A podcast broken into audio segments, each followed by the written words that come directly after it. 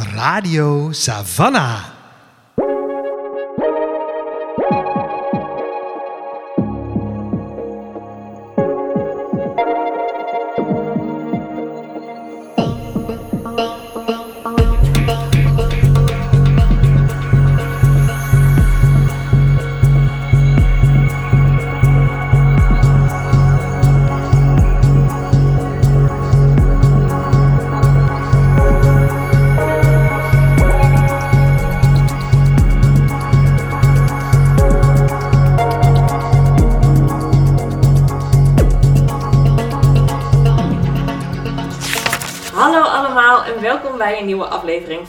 Radio Savannah, de podcast van Boekhandel Savannah B. Ik ben Suzanne En ik ben Lola. en Boekhandel Savannah B is een onafhankelijke boekhandel in het centrum van Utrecht. Wij zijn gespecialiseerd in feministische literatuur. Voor ons wil dat zoveel zeggen als literatuur op het snijvlak van gender, decolonisatie, queerness en het klimaat. En in elke aflevering van deze podcast zetten wij boeken, verhalen, mensen eh, die wij tof vinden in het zonnetje. Mhm. En eh, praten we jullie bij over alles wat wij belangrijk vinden eh, op het ge- gebied van boeken. Ja, En deze aflevering is voor trouwe luisteraars een, een bekend segment wat wij hebben omgevormd tot een, tot een afleveringconcept, namelijk ons boekenplankje. Waarin we jullie eigenlijk bijpraten over de boeken die wij zelf hebben gelezen. Niet voor de podcast, maar gewoon voor de fun. Ehm, en die we aanraden of interessant vonden. Ja. Of een combinatie van die twee dingen. ja nou, een beetje kijken, een kijk in ons eigen boekenplankje eigenlijk eh, hoe het Ja. eruit ziet.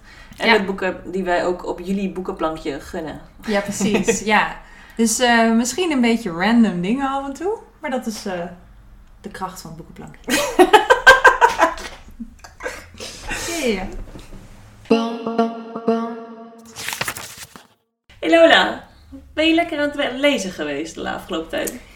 Nou, medium. Ik ben medium aan het lezen geweest. Ik, ehm, ik had eh, even niet de beste tijd van het jaar in januari, februari. zijn nooit mijn favoriete maanden. Ehm, ik heb ieder jaar denk ik ook weer, als ik ooit rijk ben, ga ik overwinteren. Want ik... pff, niet mijn ding. Mm. Eh, en ik merkte dat dit jaar heel erg in mijn aandacht spannen. Ik heb ook wel eens dat ik dan juist heel erg ga verdwijnen in, in boeken. Maar nu verdween ik in, weet ik veel, YouTube, Instagram, K-pop filmpjes. K-pop filmpjes. Ja, still going strong daarmee. Ehm, en er is niet heel veel in boeken. Dus ik merk ook echt dat ik minder heb gelezen dan, dan ik in eerdere jaren eh, doe, deed, gemiddeld. En ik heb ook vorig jaar heel veel gelezen. Dus ik had ook een beetje Mm. een boekenkater die ik even moest... eh, Mm. verwerken. Ehm, maar nu zit ik er eigenlijk wel weer lekker in. En eh, ik, heb, ja, ik heb dus, het zal te merken zijn in mijn eh aanraders zometeen, zit in de wat makkelijk verteerbare stof. Dus kinderboeken, graphic novels, korte essaytjes, dat soort eh, dingen. Maar dat gaat prima. Het is Ja. hartstikke leuk. Nice, lekker. Ja, hoe ga jij? Ja, ik, ik ga lekker op het moment.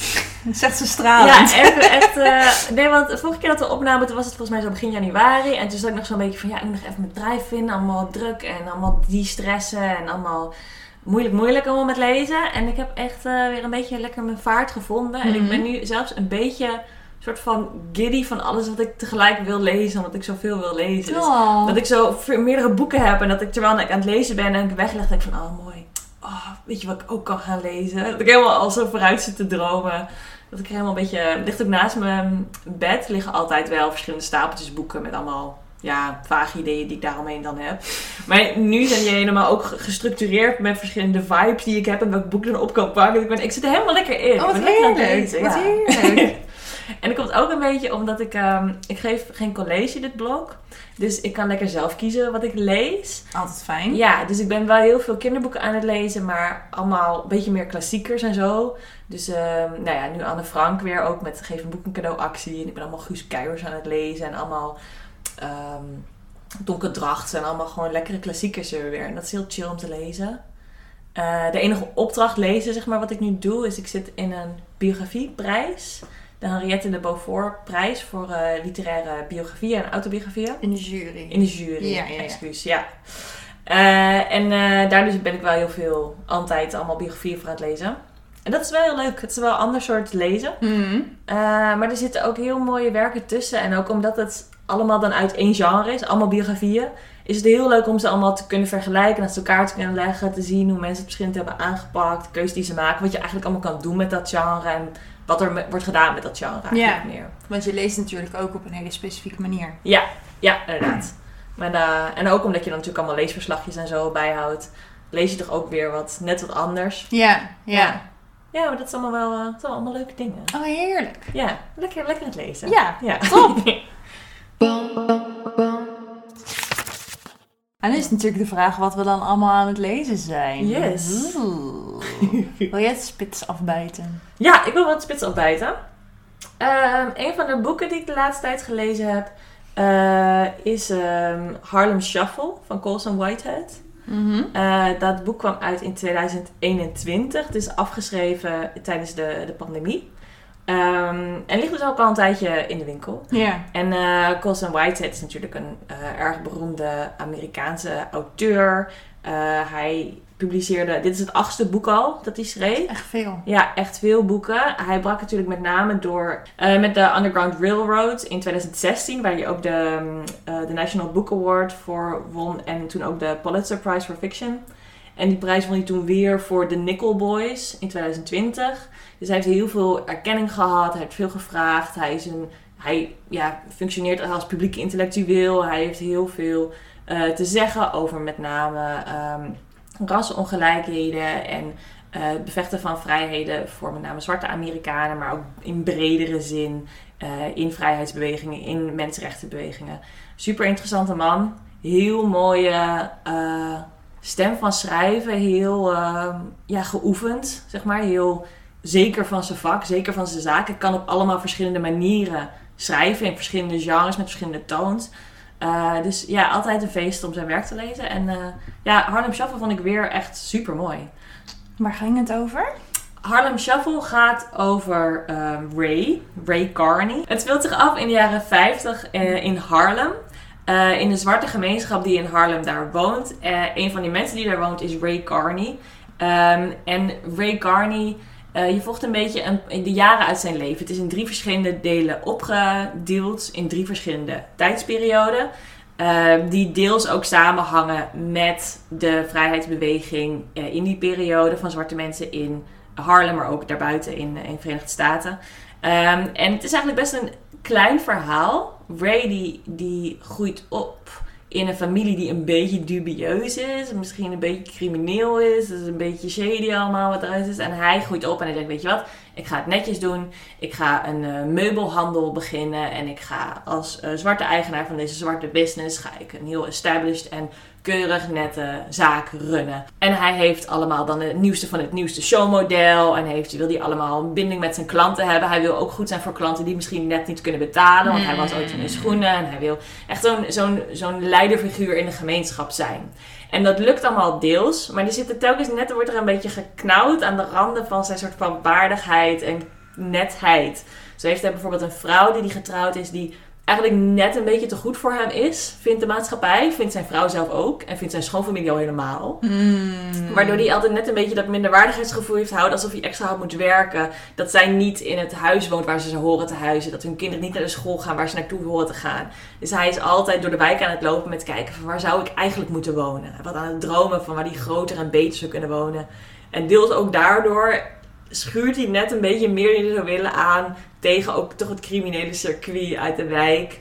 Dat er net een, een handeltje van een vrachtwagen is gevallen wat hij dan meeneemt. En dat probeert hij allemaal een soort van keurig te schrijven van ja, weet je wel, één keer in de zoveel tijd, het is prima. Maar dat wordt allemaal net steeds wat erger en wat erger. En de criminelen worden net iets serieuzer en serieuzer. Dus hij bevindt zich allemaal in een ja, benarde situatie tussen al die ja. gevallen in.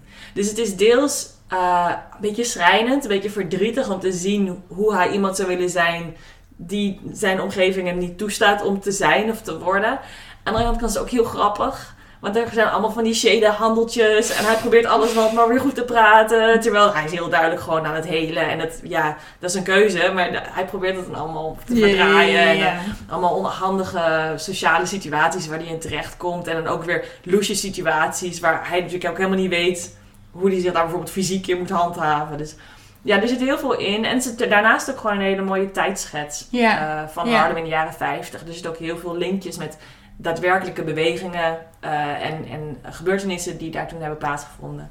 Ja, dus ja, echt een aanrader. Het was echt in, een- in, een, in een ruk uit. Het was spannend, het is grappig, het is interessant, het leert ervan. Nice. Neem hem vooral mee op je boekenplankje. Ja, ja. Wat zit jij op het boekenplankje, Lola? Nou, ik zet dus een kinderboek erop. Hm? Dus we hebben een beetje de rollen omgedraaid. Eh, namelijk het nieuwe boek van Annette Schaap. Het heet De Meisjes Zeven Sprookjes. Mm. Uitgegeven door Querido in 2021. Ehm Annette Schaap kennen we denk ik allemaal als de schrijver van Lampje. Wat in 2017 uitkwam. Haar debuut waarmee ze nou ja, een soort instant jeugdklassieker heeft geschreven. Wat allerlei prijzen heeft gewonnen en allerlei talen is vertaald. En nou ja, Daarvoor natuurlijk al heel lang bekend als eh, illustrator. ja, als illustrator, ja, maar echt als, als verhalenschrijver natuurlijk eh, nog relatief eh, vers. Mhm. En dit is dus haar tweede volledige boek. En in het boek eh, zijn zeven sprookjes. Ja, herverteld is bijna niet eens Mm. wat het is. Het is een soort van het DNA van zo'n sprookje is gebruikt. En daarna is Annette losgegaan. En, en doorgaan associëren. En heeft met name de meisjes uit de verschillende sprookjes echt een hele andere rol en een ander karakter gekregen dan, ehm, dan ze hadden in, in de verhalen die we kennen. Roodkapje, Belle en het Beest, Hans en Grietje, allemaal, hè, we kennen Mhm. ze allemaal. Die verhalen zitten hier onder andere allemaal in. Je, je pikt ze ook eigenlijk heel, verhult niks, zeg maar. Dus heel snel heb je door welk, welk sprookje je aan het lezen bent. Ehm, en, en ja, Annette Schaap zet ze eigenlijk eh, in een andere versnelling of zo, is een beetje mijn eh, interpretatie ervan. Ik vond het super leuk. Het heeft deels iets weg van, van een soort puzzel. Van oh, hoe heeft ze welke elementen erin verwerkt. Maar het is ook weer zo anders. Dat als je alleen maar zo leest, dan doe je eigenlijk af aan hoe origineel en inventief die verhalen aan zich zijn. En waar ze eigenlijk over gaan. Ja. Ehm, ik moest er ook om lachen. Ja. Het is ook heel grappig. De illustraties zijn heel mooi. Ehm, en ze zijn ook spannend. Heb je een voorbeeld van de manier waarop ze een verhaal heeft opgeschreven? Ja, zeker. Zeven toevallig. Ehm, ja, één, één, ik vond er een paar heel leuk. Eh, eentje is eh Belle en het Beest, waarin eh, het prinsesje eigenlijk het beest is. Dus een soort Mm. monsterlijk ehm, meisje is er geboren. En die ouders, de koning en de koningin, die denken... oh shit, wat moeten we met dit meisje? Want we noemen, hè, dit is een, een, een mini-monstertje. En dat kunnen we niet hebben, want we zijn de koning en de koningin. Dus zij wordt een soort van verbannen eigenlijk naar een eiland. En daar gaat ze dan op een prins wachten. En die prins die komt natuurlijk niet. En op een gegeven moment komt er een zeeman. En die is een beetje...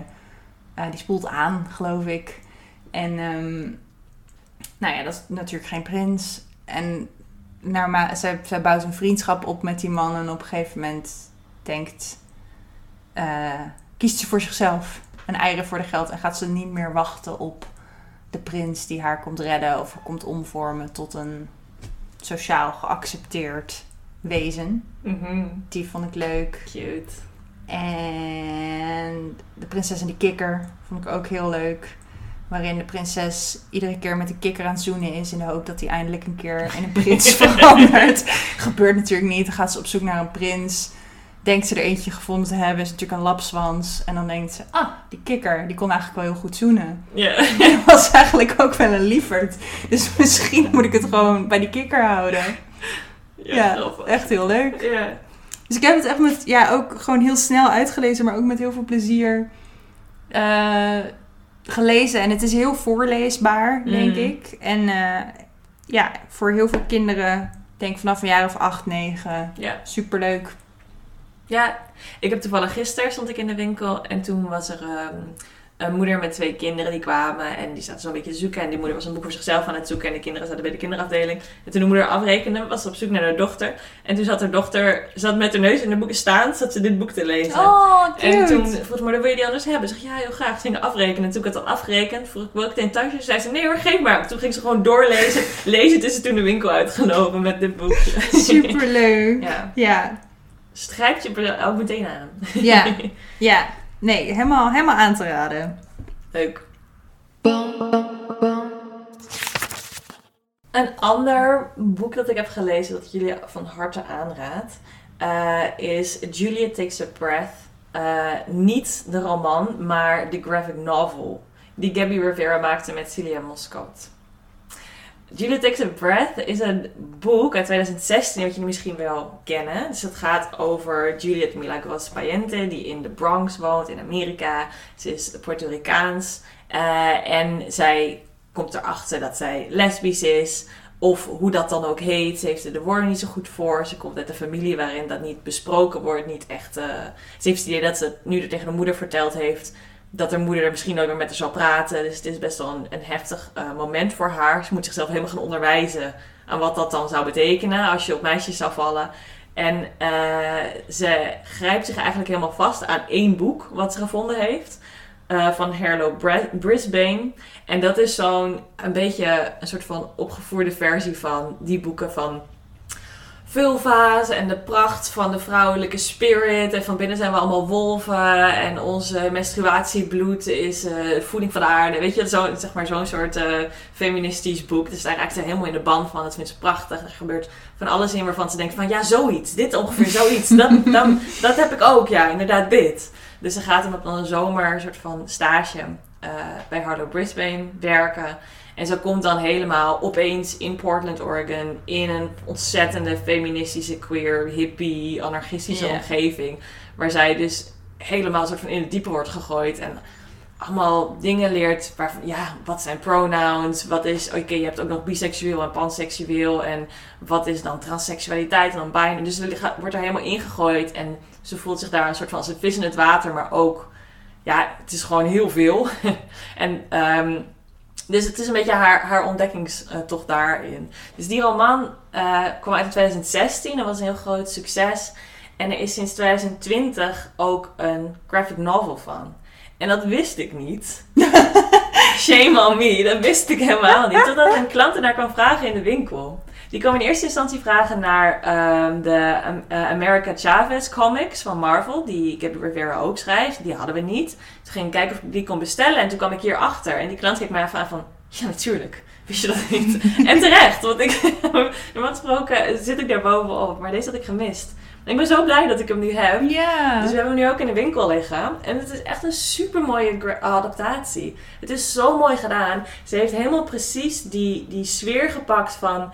Eh, aan de ene kant het soort van. Dus het is allemaal in een soort van roze-oranje-achtige tinten. Het is een beetje dromerig, maar daarbij ook natuurlijk een beetje heel, heel vrouwelijk, een beetje hippie. Het kan heel makkelijk in elkaar overgaan. Met bloemen loopt allemaal heel prachtig in elkaar over. Dus het kan ook een beetje dromerig zijn. Er zit in de roman een heel ehm, interessante en mooie scène waarbij Juliet ongesteld is en dan eh, via masturbatie zeg maar, haar pijn eh, een beetje op afstand houdt. Wat een scène is die ik uit young adult literatuur eigenlijk helemaal niet ken. Nee. Dus het is super mooi dat het ook nu zo prominente plek in de graphic novel heeft gekregen. En met de hele manier waarop ze heeft vormgegeven. Ik ben heel hard met mijn handen aan het zwaaien om te laten zien hoe mooi vloeibaar het, het allemaal is. En zijn er ook eh, dingen bijvoorbeeld uit de roman geknipt die er niet in zitten of zo? Of hoe? Ja, er zijn natuurlijk wel dingen uitgehaald. Want het is een roman en het is nu een, een graphic novel die veel dunner is. Maar ja, daaraan toegevoegd zijn natuurlijk de afbeeldingen. Waardoor er heel veel dingen niet gezegd hoeven te worden. Omdat je de omgeving ziet, je ziet de emoties, je ziet eh, heel veel uitgedrukt daarin. Ehm, en wat ook heel mooi naar voren komt in, in de graphic novel, wat natuurlijk ook een belangrijk element is van het boek, is eh, wat voor Juliet een soort ehm, confrontatie wordt, eh, is een, ja, een confrontatie eigenlijk met het witte feminisme. En hoe dat wel of niet ruimte voor haar als Puerto Ricaanse jonge vrouw eh, toestaat daarin. Eh, Harlow, aan wie zij zich een soort van vastklampt als soort gids in deze nieuwe wereld, die is een, witte feminist. En dat komt steeds meer ook, speelt dat een rol in hun relatie. En dat is dus iets waar Juliet eigenlijk zelf keuzes in moet gaan maken en andere manieren, andere gidsen moet gaan vinden om zich in te gaan herkennen, om zich mee te verenigen, om zich door te laten inspireren. En dat de hele verhaallijn wordt heel mooi en heel genuanceerd eh, ja, meegenomen in die graphic novel. Dus ik ben helemaal, ik ben helemaal verkocht. Ik heb hem gelezen en heb ik hem nog een keer gelezen. En, Oh. nou, en nou iedereen die binnenkomt die zegt, ik houd je ook van graphic novels. Kent u deze al?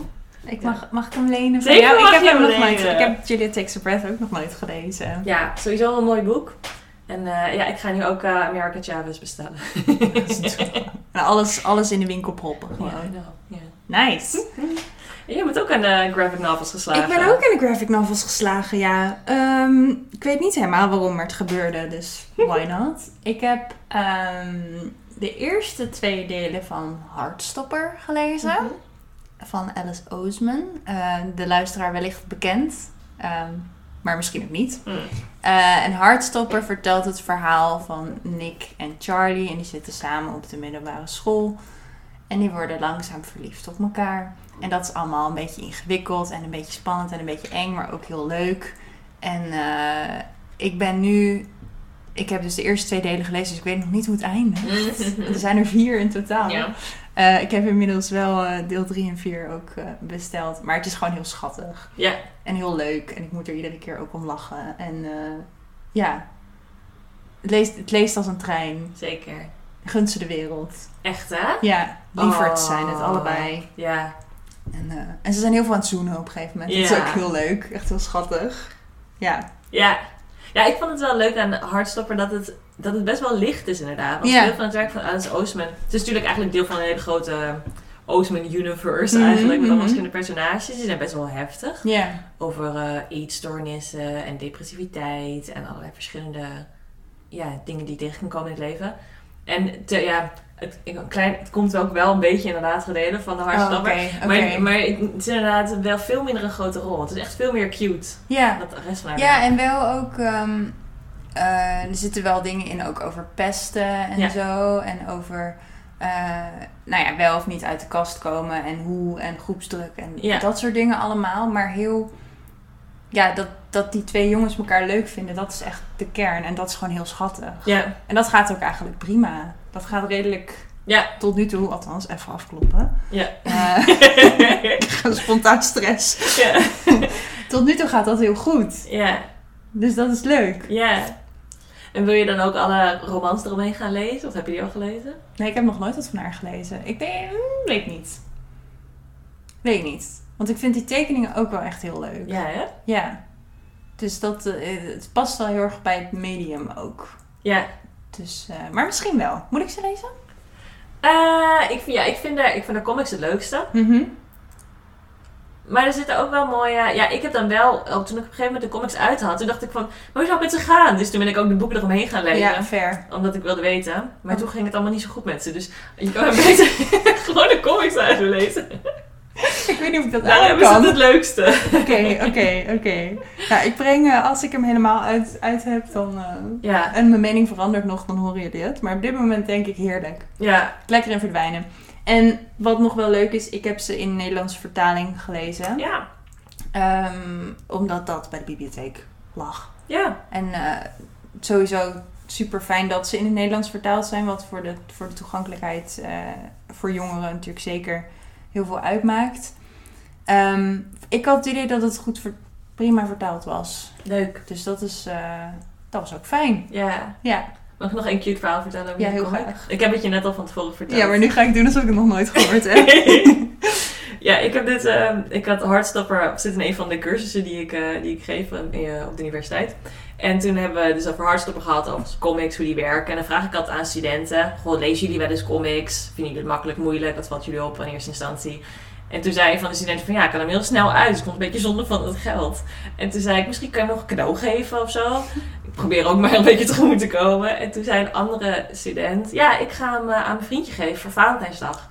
En dan ga ik alle keren dat er Charlie staat, ga ik mijn naam invullen. En dan bij Nick ga ik zijn naam invullen. Zo En lief. dus dat mijn Valentijns cadeautje. Ja, zo En schattig. dat is echt, als je nog op zoek bent, als er een verjaardag aankomt of een anniversary of zo. Dat is het allerliefste cadeautje wat ik ooit heb Ja, gehoord. zo cute. ja, ja. Dus eh, die tip krijg je er gratis bij van ons. Ja. Ja. Ehm, ja, en wat ik ook nog las in mijn graphic novel journey Mhm. ehm, was Paper Girls. Oh ja. Eh, toch ook even noemen. Eh, dat is geschreven door Brian K. Vaughan? Vaughan? Sure. Mm. Ik weet niet of dat klopte. Ehm, en dat is een hele bekende graphic novel schrijver. Een beetje sci-fi-esque allemaal. Eh, met ook nog illustraties van Cliff Chang, Jared K. Fletcher en Matthew Wilson. Dus een heel team heeft eraan gewerkt. En Paper Girls speelt zich af in 1988 als Erin eh, die is 12 en die heeft een, eh, die heeft een krantenwijk.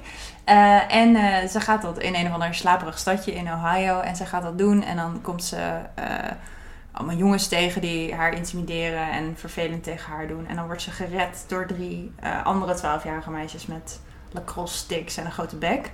Eh, en zij worden met z'n vieren een soort clubje.